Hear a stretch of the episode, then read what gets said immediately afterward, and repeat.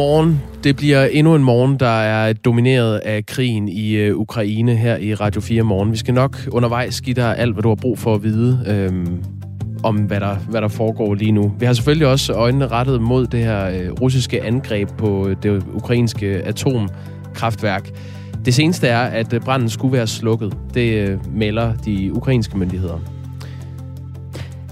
Mange danskere vil gerne hjælpe de ukrainske flygtninge, og i går der rundede vi jo privatpersonerne her i Radio 4 morgen. Men flere hoteller og kroer, de tilbyder også overnatning. Blandt andet Hotel B i Birkerød, der tilbyder, at ukrainere de kan bo gratis i tre nætter. De har allerede åbnet dørene for flere ukrainske flygtninge, og de venter altså på endnu flere. Vi taler med hotelchefen om et øjeblik. Vi skal også til Sydfyn, hvor en ukrainsk familie er blevet indlogeret på Korent Kro. Vi havde jo lokalerne, og vi kunne se, at der var et behov. Og jeg tror, vi ligesom alle andre øh, har siddet de sidste, den sidste uges tid og tænkt, hvad man der kunne gøre et eller andet. Og det vi så kunne gøre, det var, at vi kunne give husly til nogen, der manglede det. Det siger Anne Kyn, som er frivillig i foreningen, der ejer og driver Korint Kro. Krigen i Ukraine udvikler sig selvfølgelig time for time og dag for dag, og har nu efter en uge nået en fase, hvor kampene har bredt sig til flere af landets store byer, hvor russiske styrker altså kæmper mod ukrainske soldater og bevæbnede civile. I går var der meldinger om, at russiske soldater indtog den første større by. Det var byen Kherson i det øh, sydlige Ukraine. Men også uden for byerne, ude på landet i Ukraine, mobiliserer den øh, ukrainske befolkning sig, selvom der er langt mellem de russiske kampvogne og krigsfly. Vores europakorrespondent Mads Anneberg har undersøgt den her modstandskamp på landet og har mødt en øh, kroejer, der vil kæmpe til det sidste. Og frygten for, om Rusland rent faktisk stopper ved Ukraine, ser ud til at brede sig. I hvert fald har flere lande, senest Moldova, haste ansøgt om medlemskab i EU. Og i går advarede Ukraines præsident om, at Rusland vil invadere de baltiske lande, Estland, Letland og Litauen, hvis de får held med at erobre Ukraine. Vi spørger en forsker om, hvad sandsynligheden er for, at Rusland rykker videre ind i Europa. I går var der også meldinger om, at Rusland er ved at trække Kazakhstan ind i Ukraine som en del af konflikten på russisk side. Øhm, det er også noget, vi holder øje med her til morgen. Hvis du har spørgsmål eller inputs til det, vi beskæftiger os med, så er du meget velkommen til at skrive ind til os. Som sædvanligt foregår det på 1424, og så skriver du R4 og et mellemrum, og så ellers, hvad du har lyst til at sende ind til os, så dukker det op på, på skærmen hos os. Og du kan jo altså blandt andet øh, også skrive spørgsmål ind til øh, den del af Radio 4 Morgen, som nu hedder Spørg om krigen. Her til morgen, der har vi Hans Peter Michaelsen med, som er selvstændig forsvarsanalytiker og forhenværende officer. Og han ved især noget om NATO, om medlemslandenes forsvar, og så ved han noget om Danmarks forsvar og den aktuelle situation jo i øh, Ukraine lige nu. Ham kan du også øh, stille spørgsmål til. Samme nummer, 1424, start med R4. Godmorgen, trods alt. EU har taget imod næsten en million flygtninge fra Ukraine, og danskerne de holder sig ikke tilbage med at byde de ukrainske flygtninge velkommen her i landet. To af dem er Line Henningsen og Malene Lemme Jacobsen, som vi talte med i går. De vil begge to hjælpe med at give ukrainske flygtninge tag over hovedet ved at tilbyde, at de kan bo hjemme ved dem. Og lad os lige høre, hvad Malene Lemme Jacobsen sagde. Vi vil gerne hjælpe, og det var der, vi synes, vi kunne hjælpe. Øh, og vi har plads til det, og vi har har tid. Øhm, og så tror jeg også bare, at jamen, al velgørenhed, og det er ikke også lidt egoistisk i en eller anden forstand. Så det er jo også, fordi vi synes, det kunne være spændende. Ja, det er altså ikke kun øh, privatpersoner som Malene Lemme Jacobsen, der vil hjælpe. Det er også hoteller og kroer, som står klar. Et af dem, det er et dansk hotel i Birkerød, der allerede har taget imod flere ukrainske flygtninge, og de tilbyder tre overnatninger kvitterfrit. Rune Kirkeby ejer Hotel B i Birkerød. Godmorgen. Godmorgen. Hvor mange flygtninge har du indtil videre taget imod? Jamen lige i øjeblikket, der har vi en øh, familie med mor, far og to piger på 9 og 13, tror jeg. Og så kommer der yderligere en familie på fire her i eftermiddag, og muligvis en mor og hendes datter. Så både kvinder og øh, mænd og børn? Ja. Hvad, øh, en undren. Mænd, de skal jo i princippet blive i Ukraine, altså dem, ja, der er mellem 18 og 60 år. Ved, ved du, hvordan de er kommet ud af landet? Jeg tror, det er, fordi de har været ude af landet. De har måske arbejdet i Tyskland, eller ja. jeg tror, den ene mand har måske arbejdet i Tyrkiet, øh, inden krigen brød ud. Så det er på den måde. Okay, og så drager de op for at mødes med deres koner og børn? Ja. Mm. Hvordan var det at, at, at tage imod dem? Jamen altså, de, ser, de ser jo trætte ud og, og lidt forvirret og, og bare sådan lidt, måske lidt opgivende. Men det er svært. Det er også svært, og det er svært at tale med den, øh, dem, der kom, kom i går. De taler ikke engelsk. Så det, det er svært lige at få en helt øh, god forståelse af, hvad der de har været ude for. Mm. Men, men øh, de siger ikke... De, de ligner ikke nogen, der er afsted på ferie. Hvordan øh, kommunikerer du med dem så? Jamen, øh, det er egentlig gået igennem en øh, dansk ukrainer, som ligesom har skabt kontakt til de her familier, der kommer op. Så de er også med på det her med, at det altså er, er i hvert fald tre dage kvitterfrit? Det er i hvert fald tre dage kvitterfrit, og så tager vi det derfra. Okay. Øh, øh, en dag ad gangen og ser, hvad der sker. Så det er ikke, det er ikke sådan, at om tre dage, så skal de være, være nej, ude der er igen? Ikke, der er ikke, nej, der er ikke nogen, der bliver smidt på gaden. Mm. Hvordan lige de tre dage, hvordan kom du frem til det? Øh, Jamen, altså, det, det ved jeg ikke. Vi skulle jo starte et eller andet sted, øh, og der er ikke rigtig nogen, der ved, hvad der er behov for i første omgang, øh, og hvad der kommer til at ske. Øh, og der var jo ikke... Øh, på det tidspunkt var der jo ikke tale om, at der, at der kom noget hjælp fra kommuner, men det kommer der jo muligvis til at løbe af næste uge, når den her nye særlov kommer på plads. Mm. Du har altså tilbudt, at de her ukrainere, der kommer til landet, kan bo på dit hotel gratis i tre nætter. De vil have adgang til et køkken. De skal så selv betale for mad, og de vil også kunne vaske tøj i øh, jeres vaskeri. Og så har du øh, også fire tandlægeklinikker, så du tilbyder sådan set også hjælp til, til det område, hvis de har, har problemer med, med smerter eller lignende i, i, med, med tænderne. Hvor, hvorfor er det vigtigt for dig at hjælpe i den her situation? Jamen, jeg tror, vi lever vel egentlig øh, generelt sådan et rimelig beskyttet liv øh, her i Danmark, øh, og man går på arbejde på sit kontor og flytter papir fra den ene side af, kontor, øh, af skrivebordet til den anden.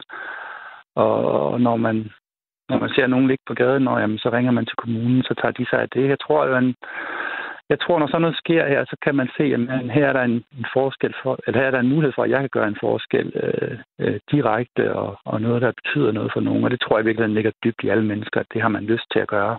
Mm. Og, og her er muligheden så for at, at gøre det, og så griber man den.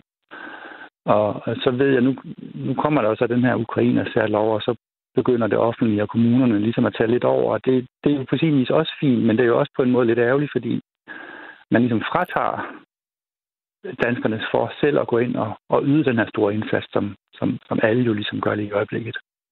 Ja, vi hørte jo lige fra Marlene Lemme Jacobsen, som altså åbner sit private hjem for øh, ukrainske flygtninge. Hun siger jo også, at hun jo sådan set også får noget ud af det selv. Altså hun synes, det er lidt spændende. Hvad tænker du om det?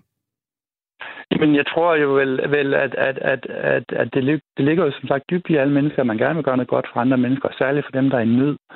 Og, og, og en del af det er vel også, at man gør det for at have det godt med sig selv. Og, og det tror jeg egentlig er helt naturligt. Det, det tror jeg ikke, man skal pege fingre af. Mm. Nu er det jo øh, som udgangspunkt tre netter, de ukrainere, der kommer til dig, de kan få øh, gratis.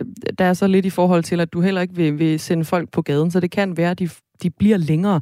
Du mister jo penge på det her. Hvor, øh, hvad har du tænkt om, omkring den situation? Jamen, jeg skal jo, øh, jeg skal jo lige hele tiden finde en balance øh, imellem, at der er plads til, til normalt betalende gæster, og så de her ukrainere. Øhm, og, og hvis det kommer til at koste lidt, jamen, så tager vi jo det med.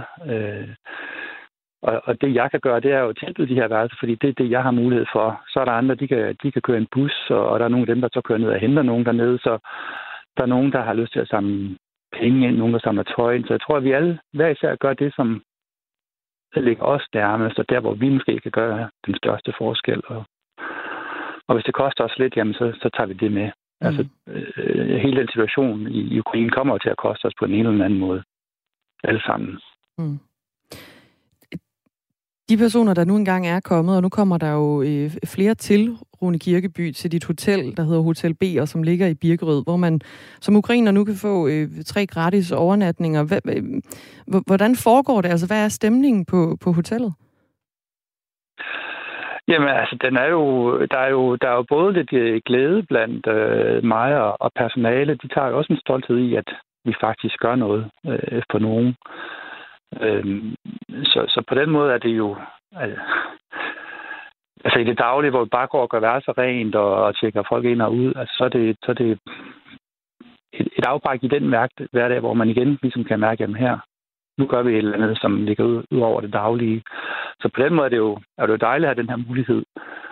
Øhm, og så er der selvfølgelig ukrainerne, som er lidt, lidt trykket, og det, det er klart. Det, øhm, det er jo ikke noget at sige til, men, men, men også en lidt lettelse over, at de trods alt har et sted at være.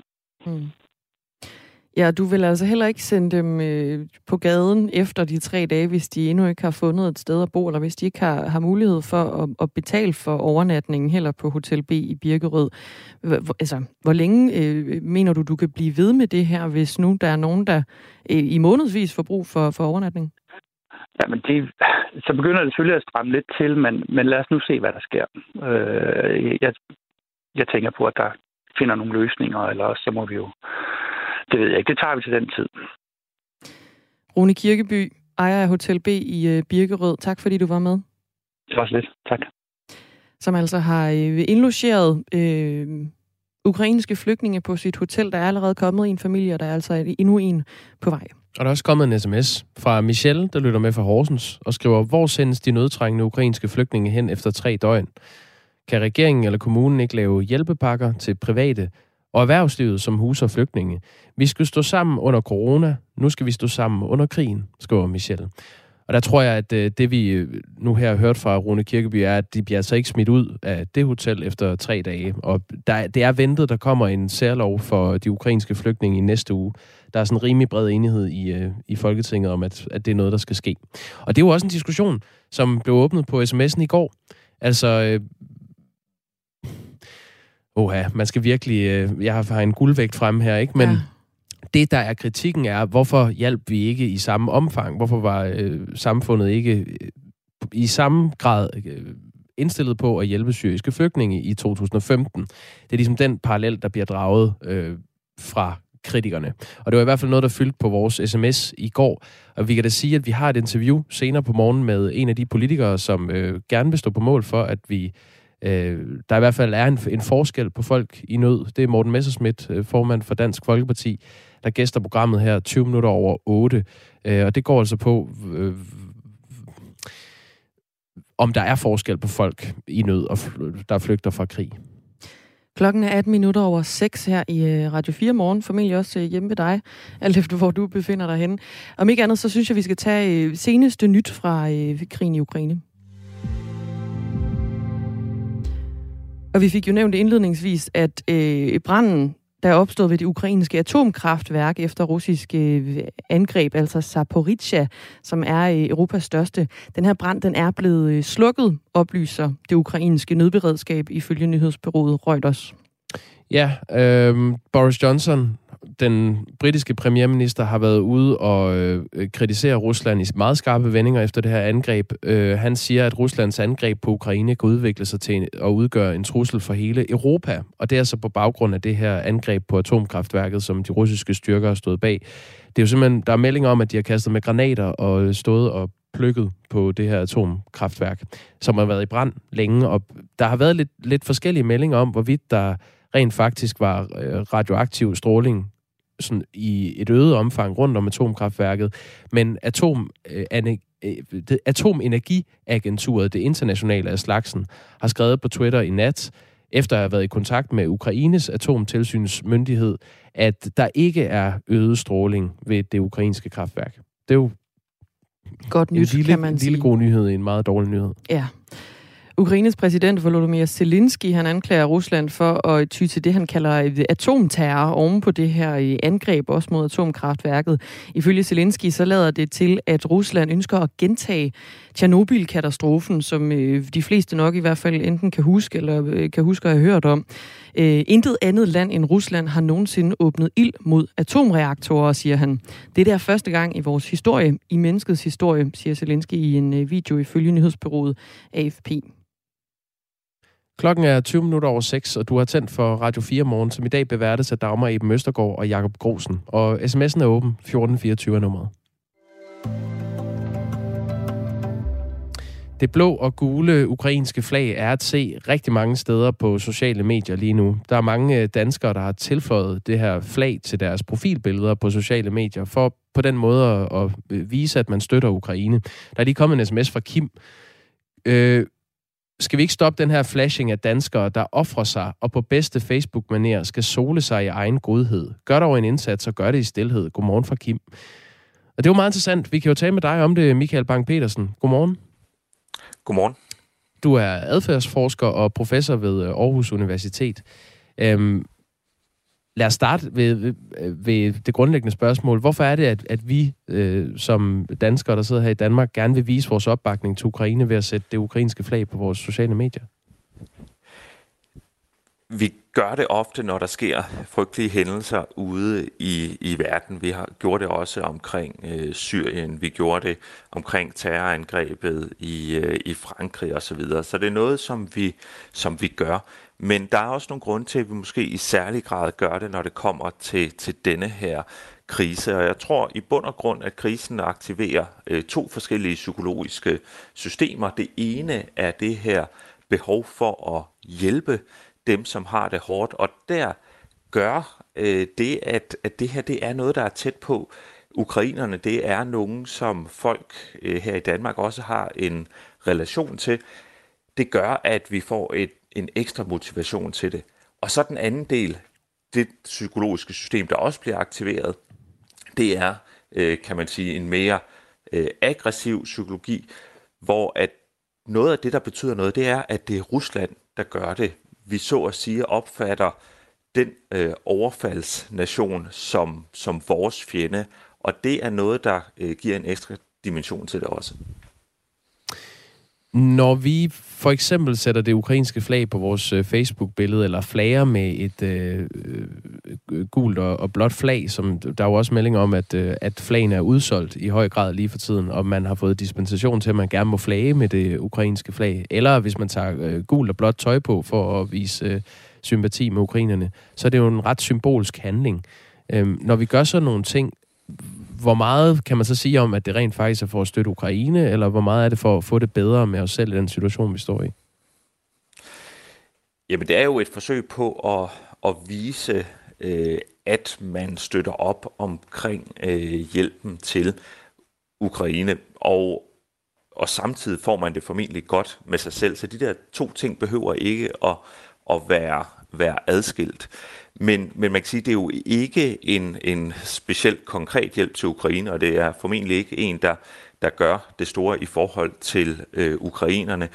Og det er formentlig heller ikke det umiddelbare formål øh, med denne her gestus, at publikummet er i virkeligheden ikke Ukraine, men publikummet er andre danskere, hvor man så at sige forsøger at øh, fastholde opmærksomheden på det her, øh, på denne her konflikt, på denne her invasion. Øhm, så det handler i virkeligheden om at sige til øh, alle andre danskere, sige, det er det her, vi skal være opmærksomme på. Og noget vi ved fra en masse psykologisk forskning, det er, at når man, når man ser sådan nogle konflikter, når man begynder at føle sig truet, så noget af det, man gør, det er, at man, man netop forsøger at, at fastholde opmærksomheden på øh, konflikten og sige, det er det her, vi skal fokusere på nu. Hvilken effekt har det, Michael Bang-Petersen? Jamen, det har den effekt, at, øh, at man så at sige understøtter det, at der kommer det her kæmpe fokus på, og at vi fastholder fokuset på det øh, igennem, igennem længere tid. Og, og man kan sige, jamen, hvor, hvor lang tid vil man så fortsætte med at have øh, sit flag på, eller det ukrainske flag på ens Facebook-profil osv., det afhænger meget af, hvad der, øh, hvad der sker. Vi ved fra andre kriser, at, øh, at opmærksomheden den, den begynder på et tidspunkt at glide, glide væk. Men det der jo er spørgsmålet, det er, om den kommer til at gøre det i samme grad øh, her. Netop fordi det er noget, der er tættere på, og formentlig fordi det øh, godt kan blive en, en langvarig affære. Tak skal du have. Velbekomme. Michael Bang-Petersen er adfærdsforsker og professor ved Aarhus Universitet. Og det var altså den her øh, øh, mekanisme, at vi i høj grad gør, hvad man lige sådan øh, føler, at man kan gøre. Det, noget af det, man kan gøre, det er at sætte et ukrainsk flag på sine sociale medier. Det var altså det, øh, Kim på sms'en øh, opponerede lidt imod. Han synes, at man soler sig i egen godhed, når man gør det. Man skal gøre godt og gøre det i stillhed. Jeg så faktisk også et billede af Margrethe Vestager, EU's konkurrencekommissær. Hun havde også taget øh, tøj på i blå og gul. Ja. Det, det kan man også gøre. Symbolisk. Vi har allerede fået nogle gode sms'er på øh, den her diskussion om, mm, om det er øh, okay, at vi, øh, at samfundet i, i høj grad er øh, indstillet på at hjælpe ukrainere, men ikke i, i lige så høj grad var indstillet på at hjælpe øh, syre, som var på flugt fra krigen i 2015. Rasmus skriver, det er jo en irrelevant diskussion nu. Vi hjælper mennesker nu, men slutningen mellem 2015 og 2022 er åbenbart, at kun de mennesker, der hjalp i 15, der i al fremtid kan hjælpe mennesker, der flygter fra krig. Det er for mig en selvretfærdig og udadpegende holdning. De mennesker med den holdning fratager de nye hjælpere glæden ved og lysten til at hjælpe, og det er sgu ikke ok, skriver Rasmus.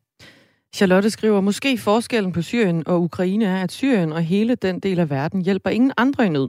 De tager ingen flygtninge overhovedet. Mig bekendt, skriver Charlotte. Måske den muslimske tro og den kristne tro også har noget at sige. SMS'er er velkomne på øh, 1424. Man starter beskeden med R4 og et mellemrum, hvis man vil give sin øh, holdning til kende, eller man har input til de øh, personer, vi taler med her i programmet.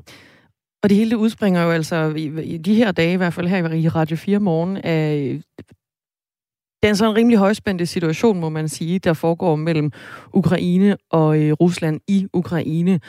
Og det bringer jo også forhandlinger med sig repræsentanter fra Rusland og Ukraine, de øh, forhandlede videre i går, og nu er de altså blevet enige om at sikre evakueringsveje til civile, altså sådan nogle øh, såkaldte humanitære korridorer, hvor man kan sikre, at civile de kan evakueres fra øh, de her igangværende kampe i øh, Ukraine.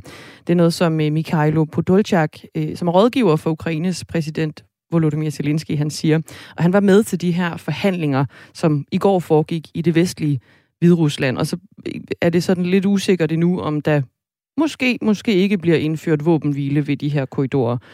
Ja, jeg så øh, det seneste, øh, der kom fra den kant på øh, sådan fra danske eksperter, det var fra Flemming Spidsbol, som er seniorforsker hos Dansk Institut for Internationale Studier, som har speciale i Rusland og, øh, og det post-sovjetiske område.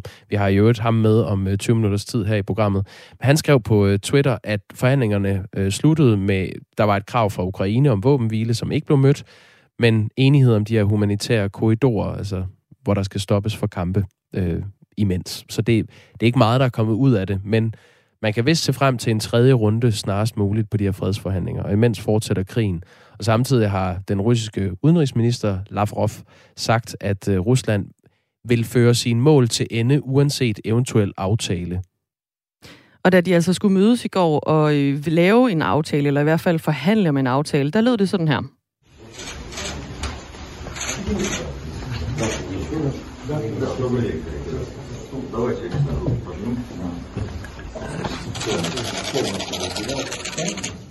Et øh, veldokumenteret møde mellem russiske og ukrainske forhandlere, som kommer ind til et øh, langbord. De ukrainske de kommer ind i sådan grønt armitøj, som man også har set øh, Zelensky i, altså præsidenten i Ukraine, mm. på øh, samtlige øh, pressemøder og udtalelser osv. de seneste mange dage. Og på den anden side, så sidder øh, det russiske øh, forhandlingshold i nogle øh, jakkesæt. De, skal så, de rejser sig op alle sammen, og så skal de ligesom give hånd hen over det her, øh, det her bord. Og øh, den ukrainske forhandler, altså ham her, øh, Mikhailo Podolchak, han, han øh, siger, på trods af de korridorer, der nu landede en aftale om i går, altså de her, hvor man kan få civile ud fra, at de har ikke givet de ønskede resultater. De gik jo, ukrainerne, de gik til det her møde øh, med, med et ønske om våbenhvile, mm. vil de rigtig gerne have, og så vil de gerne have de her humanitære korridorer for, for civile også. Og man kan sige, at de har i hvert fald fået den ene ting igennem. Og russiske, øh, de russiske side, den russiske side siger så omvendt, at forhandlingerne de har ført til fremskridt. Det er den ukrainske side ikke øh, helt enig i. Nej, som øh, med alt andet, der kommer ud fra den her krig, så er det et spørgsmål om perspektiv, om man synes, det er gode eller, eller dårlige nyheder. Tredje forhandlingsmøde kan vi jo lige sige, at det ventes at finde sted i begyndelsen af næste uge. Vi skal have nogle nyheder. Klokken er øh, nærmer sig så småt halv syv, og Thomas Sand står klar i vores nyhedsstudie. Dagmar Eben Østergaard og Jacob Grosen er tilbage om fire minutter.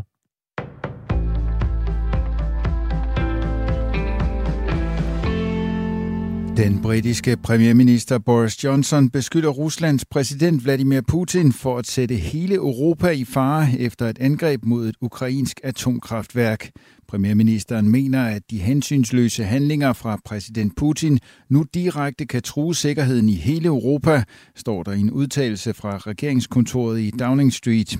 Som følge heraf vil Johnson indkalde til et hastemøde i FN's Sikkerhedsråd, oplyses det videre. En del af det ukrainske atomkraftværk Zaporizhia brød natten til i dag i brand under angreb fra russiske styrker. Der er ifølge ukrainske myndigheder ikke registreret ændringer i den radioaktive stråle i, stråling i området. Ukraines præsident Volodymyr Zelensky anklager Rusland for at ty til det, han kalder atomterror.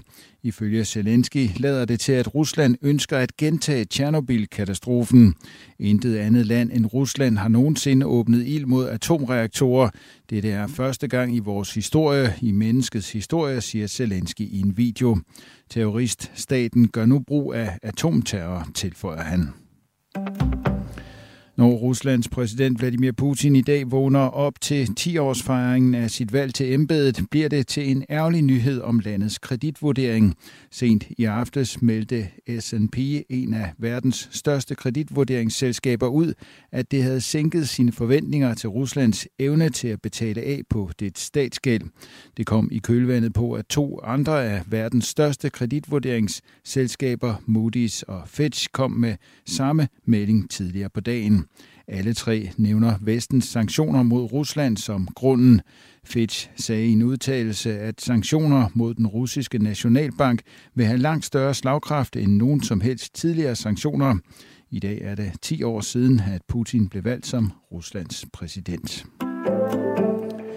En ny rapport fra Arbejdstilsynet viser, at personale på døgninstitutioner og i hjemmeplejen er dem, der udsættes for allermest sexchikane. Næsten hver tiende socioassistent har været udsat for seksuel chikane inden for de seneste 12 måneder. Og Arbejdstilsynet oplyser, at det nærmest udelukkende er ældre borgere, der krænker personalet i ældreplejen, det skriver Avisen Danmark. Det er ikke overraskende, og det er i bund og grund det tragiske. De her tal bekræfter den virkelighed, som vores medlemmer arbejder i, siger Maria Melkjørsen, der er forbundssekretær i FOA. Rapporten er den første af sin slags, men tidligere opgørelser viser, at problemet har hersket længe. FOA udgav i 2019 en lignende analyse, der viste, at særligt, medlem, særligt medlemmer i social- og sundhedssektoren har oplevet seksuel chikane på arbejdspladsen. Dengang lød tallet på hele 23 procent. Her lød konklusionen også, at det oftest er borgere, der udsætter personalet for krænkelserne. Ifølge Maria Melkersen tæller chikanen alt fra grove seksuelle tilnærmelser til at blive taget på numsen, låret eller på brysterne. Vi hører også fra vores elever, der er helt nye på arbejdsmarkedet, at de får et kulturschok, når de kommer ud og bliver udsat for det her, fortæller hun. Kaster man et blik på tidligere undersøgelser, ser omfanget af seksuelle krænkelser i ældreplejen ud til at være faldende, selvom undersøgelserne ikke er fuldstændig sammenlignelige.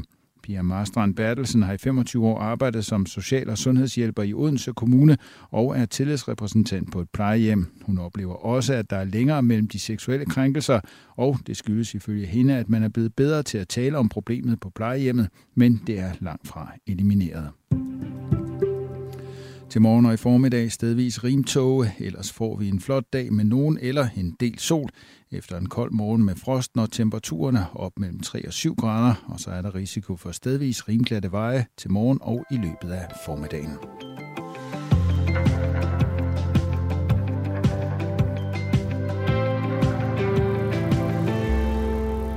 Frygten for, om Rusland stopper invasionen ved Ukraine, ser ud til at brede sig. I hvert fald har flere lande, det seneste øh, Moldova, hasteansøgt om medlemskab i EU. Og i går advarede Ukraines præsident om, at Rusland vil invadere de baltiske lande, øh, altså Estland, Letland, Litauen, hvis de får held med at erobre Ukraine. Vi kommer til at tale med Flemming Spidsbol, som er seniorforsker hos Dansk Institut for Internationale Studier øh, med speciale i Rusland, om, hvad sandsynligheden er for, at Rusland rykker videre ind i Europa efter en eventuel indtagelse af Ukraine. Og det gør vi om 12 minutter.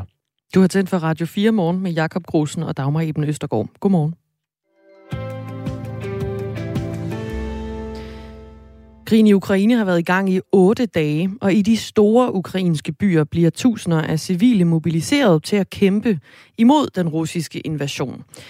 Men også ude i landsbyerne er befolkningen på barrikaderne. Mads Anneberg er europakorrespondent her på kanalen. Godmorgen. Godmorgen. Du befinder dig lige nu i øh, Lviv i det vestlige Ukraine. Men i går, der var du på landet. Halvanden times kørsel øst for, øh, for Lviv. Hvordan er det folk i landsbyerne der, de øh, hjælper til i krigen mod Rusland? Jamen, øh, på alle tænkelige måder. Jeg var, som du selv siger, ude på landet øh, øh, i nogle øh, små byer, hvor man kun kunne høre øh, hanegal og, og kampråb. Og jeg var bare sådan, jeg var helt blæst bagover, fordi man kan sige, der er jo generelt den her store kampgejst i den ukrainske befolkning. Men i de her landsbyer, jeg besøgte, der var altså nærmest alle havde en eller anden rolle i byen i, i kampen mod Rusland. Og øh, blandt andet så var jeg forbi et sted, som for godt en uges tid siden var et helt normalt hotel.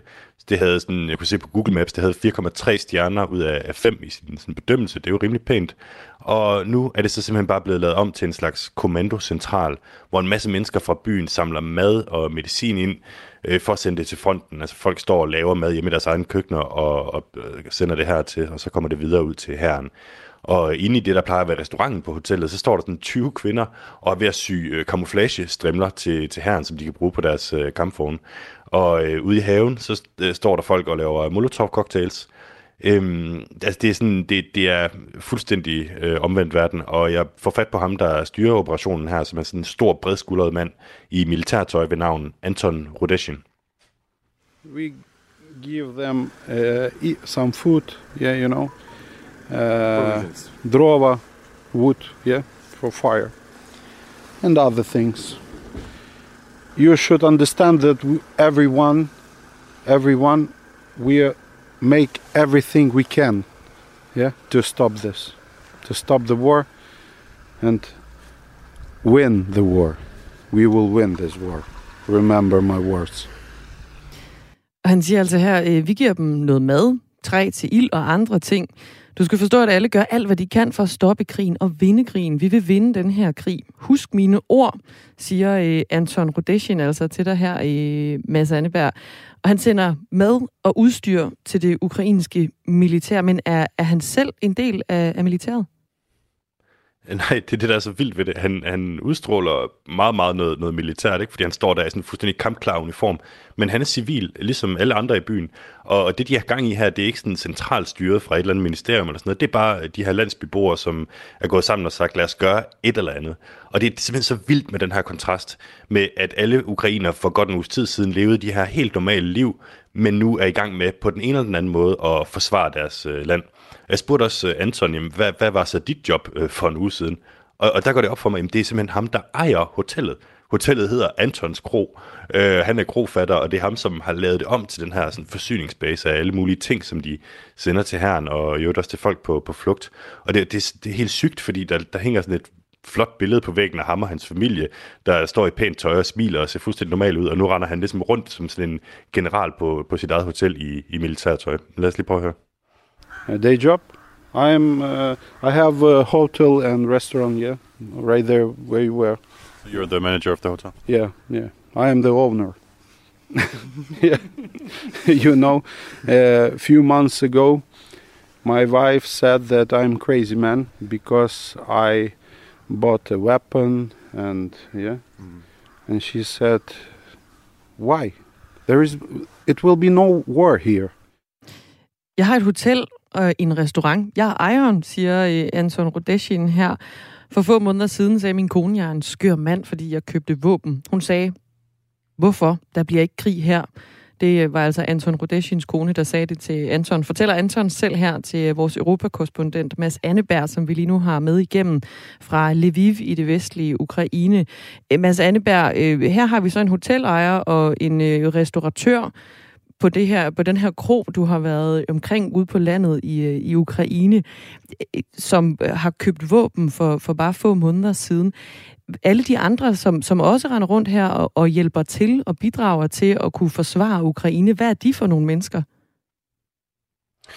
Jamen, de har alle mulige andre øh, helt normale baggrunde. Det er landmænd og fabriksarbejdere og øh, bare sådan jamen, generelt folk fra byen, som altså i stedet for at, at sidde derhjemme og scroll nyheder hele dagen lang, så har de bare valgt at gå ned og, og, og gøre et eller andet. Altså, ja, øh, lave noget mad, donere noget, øh, koordinere et eller andet. Altså sådan, at de, at de kan, kan, kan prøve at gøre en eller anden øh, forskel ude i de her øh, landsbyer, ikke? Alle de andre her øh, almindelige mennesker, som, som også bidrager, har de ligesom Anton Rodeshin også øh, købt våben, eller hvad har de at, at forsvare sig med, hvis kampene de kommer til det vestlige Ukraine?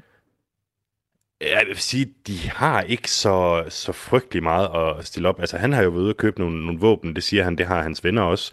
Øhm, han, han sidder på et tidspunkt ved sit skrivebord, og så finder han sådan en håndgranat frem fra, fra skuffen og, og griner. Øhm, men, men der er sådan, som han jo gør. Og, øh, men deres primære øh, våben i arsenalet, det er altså de her molotov-cocktails, som de står og laver ude i baghaven, øh, af præcis øh, en del, tredjedel motorolie og to tredjedel benzin. Og så øh, sender de dem altså i, i stor grad ud til de kontrolposter, som ligger rundt om byen. Og øh, han viser mig så ud i haven, hvor, hvor han siger, at de har lige nu omkring sådan 10.000 molotov-cocktails på lager. Everything is right there. Uh, we made near 10,000 uh, cocktails. Yeah, I think may, maybe even more. Yeah, but everything is okay here. Yeah, about the cocktails. Yeah, we need a weapon. Can I ask, do you think that the the fighting will come here eventually? Are you preparing for that? We are ready for this. Yeah.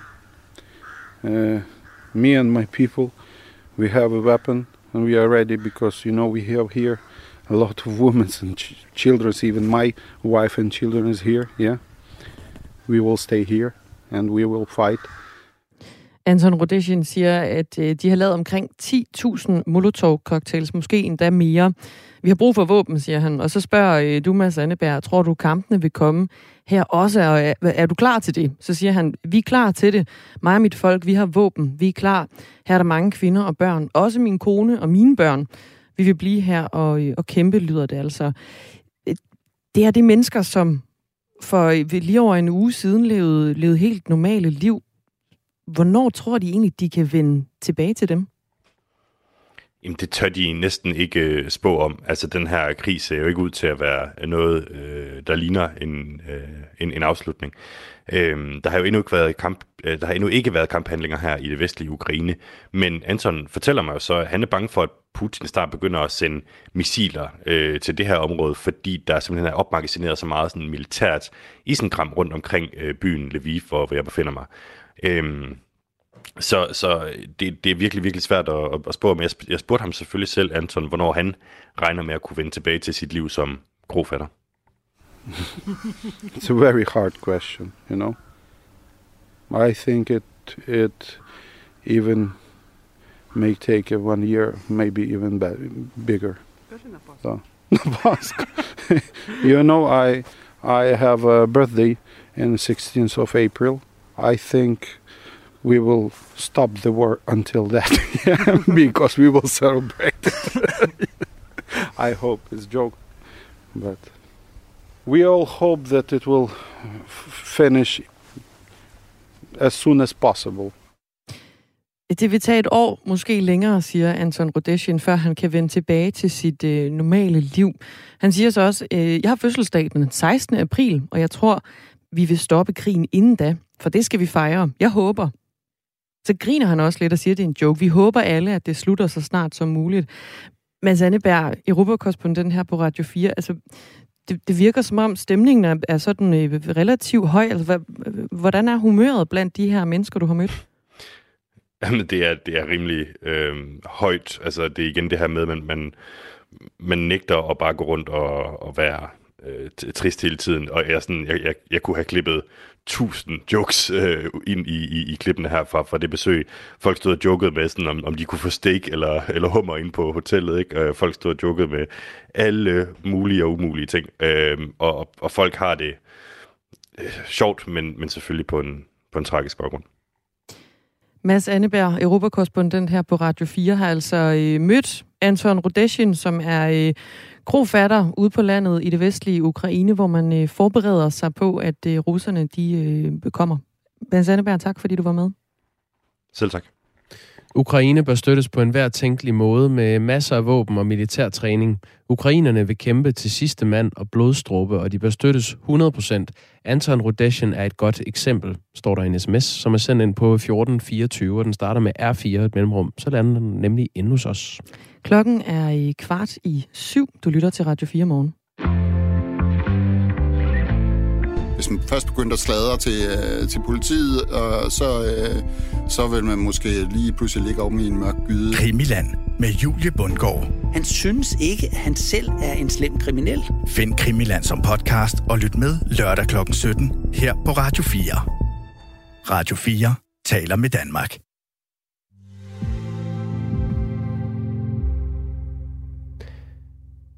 Den kanadiske premierminister Justin Trudeau er gået på Twitter og har skrevet, Jeg har netop talt med præsident Volodymyr Zelensky om det frygtelige angreb på øh, Zaporizhia atomkraftværket. Disse uacceptable øh, angreb fra Rusland må stoppe øjeblikkeligt, skriver den kanadiske premierminister om det her øh, russiske angreb, der har været i nat på et ukrainsk atomkraftværk. Øh, ifølge de ukrainske myndigheder skulle branden være slukket. Ja.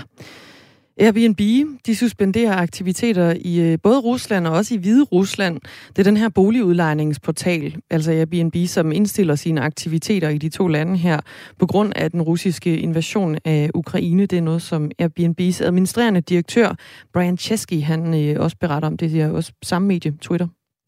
Og så øh, har den Kina-baserede investeringsbank AIIB nu stanset lån til Rusland og Hviderusland, øh, som begge er omfattet af sanktioner, og det er så som følge af krigen i Ukraine. Øh, den her Kina-baserede bank oplyser i en erklæring ifølge nyhedsbyrået AFP, at alle aktiviteter tilknyttet Rusland og Hviderusland er sat på pause, og det er altså for at øh, værne om bankens interesser. Vi forsøger her løbende i øh, Radio 4 morgen at holde dig opdateret på det seneste nye i forbindelse med invasionen af Ukraine. Så øh, ja, hold radioen tændt. Vi gør det frem til klokken den bliver 9.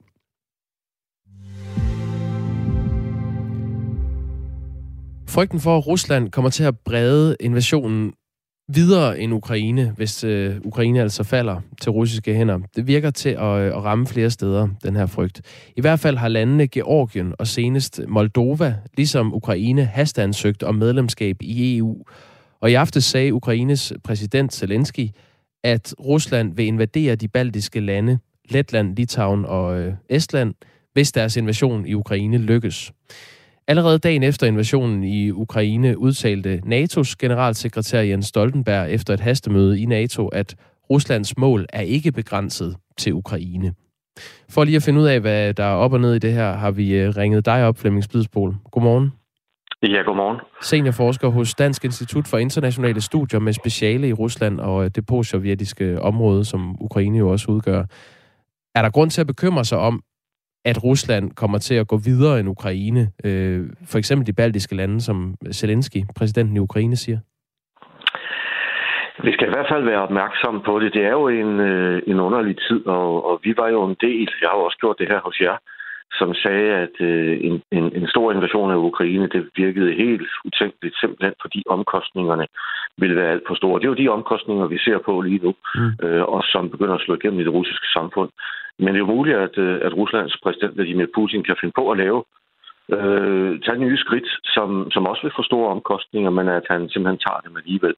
Hvis man kigger på de her lande, så nævner du jo indledningsvis øh, øh, Moldova og Georgien, og de er jo ikke med i NATO, de er ikke med i EU, så de hænger jo lidt mere frit, kan vi sige. De baltiske lande er jo med i, i både EU og NATO, og de har jo det forsvar, den, ligesom den rygdækning, som ligger i det. Øhm, så samlet til hele billedet skal vi selvfølgelig også øh, være opmærksom på, at det jo slet ikke går militært i Ukraine, som russerne havde håbet på, og der er de jo virkelig løbet ind i en modstand, som, øh, som de ikke havde, øh, havde forventet, og som jo allerede nu begynder også at, at medføre ret store tab for dem. Ja, og samtidig så er de her forhandlinger om fred jo øh, sådan sat på pause endnu en gang, og der kan komme en, en tredje runde snarest muligt, men, øh, men den russiske udenrigsminister Lavrov har sagt, at han vil føre sine mål til ende, øh, uanset hvilke, af, øh, hvilke aftale, der, der lander. Øh, hvad, hvad lægger du i det? Der ligger jo blandt andet, at de taler om, at Ukraine fuldstændig skal øh, demilitariseres. Det er uklart, hvad det egentlig betyder, men en eller anden form for demilitarisering af, af Ukraine, og der har de jo haft fokus på atomvåben. Og der er det vigtigt at huske på, at Ukraine har jo ikke atomvåben. De opgav dem i 1994 øh, og fik til gengæld jo garanti fra USA og Storbritannien og Rusland, at de tre lande ville være med til at beskytte Ukraine. Så det er jo en lidt paradoxal situation. Øh, så, så det er, kan være forskellige store våbensystemer og, og andet, som Ukraine har. Men det er lidt, lang, øh, lidt øh, usikkert, hvor langt øh, russerne vil gå ned i forhold til demilitarisering. Og det er de jo ved at opnå nu det paradoxale, at Ukraine jo bliver militariseret på en anden måde, end det har været tidligere. Så, øh, så det er jo også et af de her øh, uventede resultater af den russiske invasion. Det er, at lige nu står de med et Ukraine, som militært er langt stærkere, end det var bare for nogle år siden.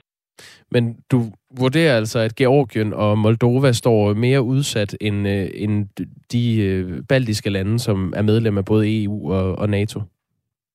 Ja, det vil jeg umiddelbart vurdere. Det er jo, øh, det er jo lande, som, øh, som er nemt for russerne at komme til. De har i forvejen baser. For eksempel har de en meget stor base i det, der hedder Transnistrien, som er en lille skive, som er skåret af øh, Moldova. Der er no, nok nogle af lytterne, der kender det, blandt andet fra Champions League, og det er jo dem, der har det her fodbold, der hedder Sheriff Tiraspol. Mm. Og Tiraspol er, er hovedstaden i det her øh, selvstyreområde, eller sådan et udbryderområde. Og der har russerne altså tropper, de har materiel, og der vil de forholdsvis hurtigt kunne rykke ind i Moldova, hvis det var det, de ønskede. Ligesom øh, Georgien og Ukraine, så vil Moldova altså søge om EU-medlemskab, det siger landets præsident øh, Maja Sandu ifølge nyhedsbyrået Reuters. Og Ukraines ansøgning blev formelt afleveret mandag. Ansøgningen blev umiddelbart mødt positivt af EU's øh, parlamentsmedlemmer, men det er jo en diskussion lige nu. Øh, Georgien grænser direkte op til Rusland, og Moldova grænser op til Ukraine. Hvorfor forsøger Georgien og nu også øh, Moldova at blive medlemmer af EU, hvis det ikke skulle være for at få beskyttelse mod en russisk invasion? Det har de jo talt om i mange år. Det er jo, det er jo noget, som, ja, som går et par årtier tilbage. Altså ønsket om, om især EU-medlemskab. Og der er det jo også oplagt, at de forsøger at bruge den her dynamik, der ligger lige nu fra vestlig side, den øgede fokus, der er på nogle af de her lande. Bare det, at vi taler om det nu, øh, og taler om Moldova og Georgien som mulige medlemmer af EU. EU indtil videre har jo været meget fodslæbende af forskellige årsager. Men, øh, men det er som om, der er kommet en ny stemning, øh, og det er jo også den bølge, de på en måde forsøger at ride på, ligesom sige, nu er vi klar, øh, det er nu eller aldrig, vi skal til at ind i EU for på den måde at, øh, at, øh, at blive sikret. Som jeg sagde før, så øh, kom Jens Stoltenberg, NATO's generalsekretær, allerede dagen efter invasionen i Ukraine med meldingen om, at Ruslands mål er ikke begrænset til Ukraine. Nu er der så gået en uge. Øhm, synes du, at, at udviklingen i krigen og, og invasionen tyder på, at øh, Jens Stoltenberg havde ret? De to er jo ikke nødvendigvis forbundne. Der kan sagtens have været rigtig gode efterretninger, som indikerede, at russerne havde andre planer. For eksempel at gå videre ned i Moldova. Øhm, men, øh, men vi må jo konstatere, at nu er vi på, på 9. dagen af krigen, at, øh, at det til sydlandet går dårligt for russerne. De har fået fat, De er slet ikke rykket frem så hurtigt, som de regnede med. De er ikke på plan A mere, måske ikke engang plan B. Det er måske plan C, de er på nu, øh, hvor de forsøger at nå frem og, og ligesom realisere nogle af de mål, de havde sat sig inden, og måske også øh, samle stumperne og undgå, at omkostningerne bliver alt for store. Og derfor meget jeg ingen tvivl om, at, øh, at Putin har fejlvurderet det her øh, meget. Øh, har simpelthen regnet med, at det vil gå hurtigere i selve Ukraine. De vil blive mødt på en helt anden måde de kunne afsætte præsidenten og indsætte et pro-russisk styre, og så ville de ligesom være overstået. Og hvis de gjorde det tilstrækkeligt hurtigt, så det er nok, hvad han har troet og måske fået videre af sine militære ledere, jamen så vil Vesten nærmest ikke nå at reagere, så vil der komme nogle enkelte sanktioner, men ikke noget særligt, og så vil vi ligesom køre videre bagefter. Og det er jo slet ikke der, de er. Øh, der er tab. Øh, deres militære operationer er, er jo ikke gået helt i stå, men det går langsomt. Og så oplever de nu de her massive sanktioner, som rammer øh, meget store dele af det russiske samfund. Men når du siger, at det går dårligt med krigen, så, så går det øh, dårligt, fordi det ikke går så hurtigt, som øh, Putin kunne have håbet på. Men, øh, men hvad er egentlig det, det, sådan, det større billede, du ser lige nu, når du kigger på, øh, på den her krig, øh, Flemming Spidsbol? Altså, er det, er det et spørgsmål om tid, før Rusland alligevel får trængt igennem? Ja, jeg vil formode, at det er et spørgsmål om tid, og det, det er jo fordi russerne har og mere, hvis de virkelig vil. Så kan de jo føle, at de er nødt til at, øh, at angribe det på en anden måde. Det vil sige mere fra afstand måske. Øh, flere missilangreb, hvor de ligesom forsøger at rydde vejen for tropperne, inden de begynder at øh, bevæge sig ind mod Kiev. Øh, så der er muligheder for det, og en risiko for, at, øh, at de gør det. Hvis jeg kigger på det store billede, så vil jeg sige, som det er lige nu, kan jeg ikke se øh, noget godt resultat for Putin. Det er for sent. Øh, han skal forsøge at vælge nu mellem flere dårlige resultater. Han skal forsøge at vælge det udfald, der har de færreste, de laveste omkostninger, de færreste gener for ham. Han er rykket ind. Vi er på 9. dagen. Det kunne måske være fristende for ham at, at rykke ud igen øh, og så sige, det er det, øh, det var slut, øh, nu går vi tilbage til start, men det gør vi ikke. Det er klart, vi kan ikke komme tilbage til start. Putin kan ikke vende tilbage til der, hvor han var for lidt over en uge siden. Så enten må han fortsætte det med den risiko, der ligger i det, yderligere tab, øh, yderligere sanktioner, meget, meget store omkostninger også i forhold til sin egen befolkning og befolkningen i Ukraine selvfølgelig. Øh, ellers må han trække sig ud og så sige, at det var det, men så vil de jo stadigvæk have de her massive øh, sanktioner, og Ukraine vil i endnu højere grad end tidligere ligesom forsøge at komme over til Vesten. Så jeg kan ikke se noget godt udfald for Putin. Han har simpelthen øh, fejlberegnet det her, øh, og nu forsøger han nok at redde stumperne på en eller anden måde. Vi taler med Flemming Splidsbol, som er seniorforsker hos Dansk Institut for Internationale Studier, altså med et speciale i Rusland og det postsovjetiske område. Og Flemming Splidsbol, jeg vil lige læse en øh, uh, sms op for dig fra vores lytter, Helle, som jeg håber, du kan hjælpe os med at blive klogere på. Hun har et spørgsmål til dig. Hun skriver, det kan undre, at Putin nu på 22. år af Vesten stadig kan få lov at køre om hjørner og superfarligt terrorisere en hel verden, og nu smadrer et suverænt, selvstændigt, frit land og dets befolkning i vores nærområde, uden at vi i Vesten sætter foden ned og sætter hårdt mod hårdt over for galningen, siger hun der blæser på alt og alle. Man kan dog ikke forhandle med en galning. Derfor må Vesten ganske vist meget sent øjeblikkeligt stille Kreml følgende ultimatum. 1. Hvis ikke Ruslands krig mod hele Ukraine stopper øjeblikkeligt. 2. Hvis ikke hele deres militær omgående øh, hvis ikke deres, altså Ruslands krig mod hele Ukraine, stopper øjeblikkeligt, og tre, hvis ikke Ruslands militær omgående forsvinder fra hele Ukraine, øh, så skal de ej, nu hopper det hele her for mig. Ja, så står der, hvis, hvis uh, Rusland ikke straks uh, fuldt erstatter og genopbygger alle deres krigsødelæggelser og drab i Ukraine, så skal vi i Vesten straks indlemme Ukraine i NATO. Tak, Jakob Brosen. Er det noget, øh, at, kunne det være en, en, en løsning at gå, gå til der den vej, Flemming Spidsbol? Øh, det, er jo, det, er jo, det, det er jo et konstruktivt forslag, må vi sige, men nej, det er ikke nogen løsning. Øh, hvor meget vi end ønskede det. Der er ikke øh, nogen, som har lyst til at få Ukraine med i NATO lige nu. Det havde vi i forvejen ikke rigtigt. Øh, jo blandt andet på grund af annekteringen af Krim, og på grund af, at der var krig. Er krig i det østlige Ukraine, det er jo bare blevet endnu værre. Øh, og det vil være... Øh, det vil være en stor hovedpine for, øh, for NATO at få Ukraine med på de vilkår. Og så vil øh, vi jo lige pludselig være i krig i NATO med Rusland, og, øh, og det er ikke til at sige, hvordan de vil agere. Øh, der skal vi huske på, at en af de russiske bevæggrunde for overhovedet at gå ind, det er jo, at de vil forhindre, at Ukraine kommer med i NATO. Og der skal vi jo så også i den forbindelse huske, at Rusland har et meget stort arsenal af atomvåben. Øh, og det er jo ligesom amerikanernes, det er jo kæmpestort, øh, og det kan de bringe i anvendelse, hvis det skal være. Men jeg er sådan set enig i Helles øh, første diagnose, og det er, at vi, øh, vi nok har forsømt det her. Jeg skrev en kronik øh, allerede i september 2014, hvor jeg skrev, at nu er vi kommet i en ny kold krig med Rusland, og jeg skrev, at det er blevet meget mere patriotisk og militaristisk, og det har ligesom en fornemmelse af, at det ikke kan besejres. Der er sådan noget, en, en følelse af, at de militært kan tillade sig, hvad de vil. Plus, at det blev mere ensrettet, det er mere undertrykkende, det blev blevet, blevet mere autoritært, og der skulle vi nok have, have reageret på det øh, i perioden mellem 14 og så nu. Og der kan vi jo også se internt i det russiske samfund, der er jo stort set ikke nogen sådan en rigtig kritik. Alle oppositionsfolk er væk, NGO'er er lukket, medier er lukket, og det betyder, at Putin kan føre den her krig øh, over for sine naboer på en helt anden måde end, end han kunne tidligere, og som kan sige, forholdene havde nok været anderledes, hvis vi også havde været mere engagerede og har været mere aktive i at forsøge at forhindre dele af det her. Så, så der er jeg enig med Helle, vi har, øh, vi har forsømt i årene mellem 2014 og nu, at, øh, at håndtere det her ordentligt, håndtere den russiske udfordring strategisk. Tak skal du have, Flemming Spødsbol.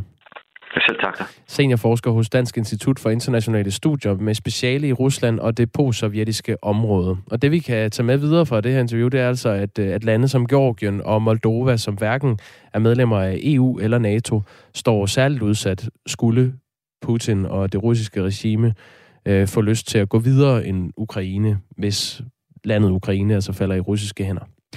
Her er det Radio 4 morgen, du lytter til med Jakob Grusen og Dagmar Eben Østergaard. Thomas Sand har en omgang nyheder klar til dig. Klokken er syv.